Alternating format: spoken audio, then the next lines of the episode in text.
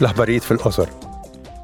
Il-Kumitati għal Budget u għal Affarijiet Ekonomiċi u Monetarji adottaw l-inklużjoni tal-miżuri tar-Repower EU fil-pjanijiet nazzjonali għall-irkupru.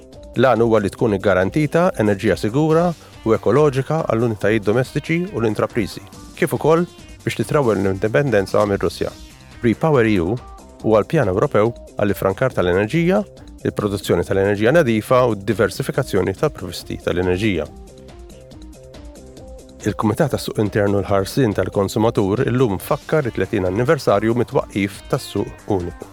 Fi smigħ pubbliku, il-Membri Parlamentari Ewropej u l-mistednin qegħdin jaqsmu l-fehmiet tagħhom dwar il-proposta leġiżlattiva dwar l-istrument għall-emerġenzi fis-Suq Uniku.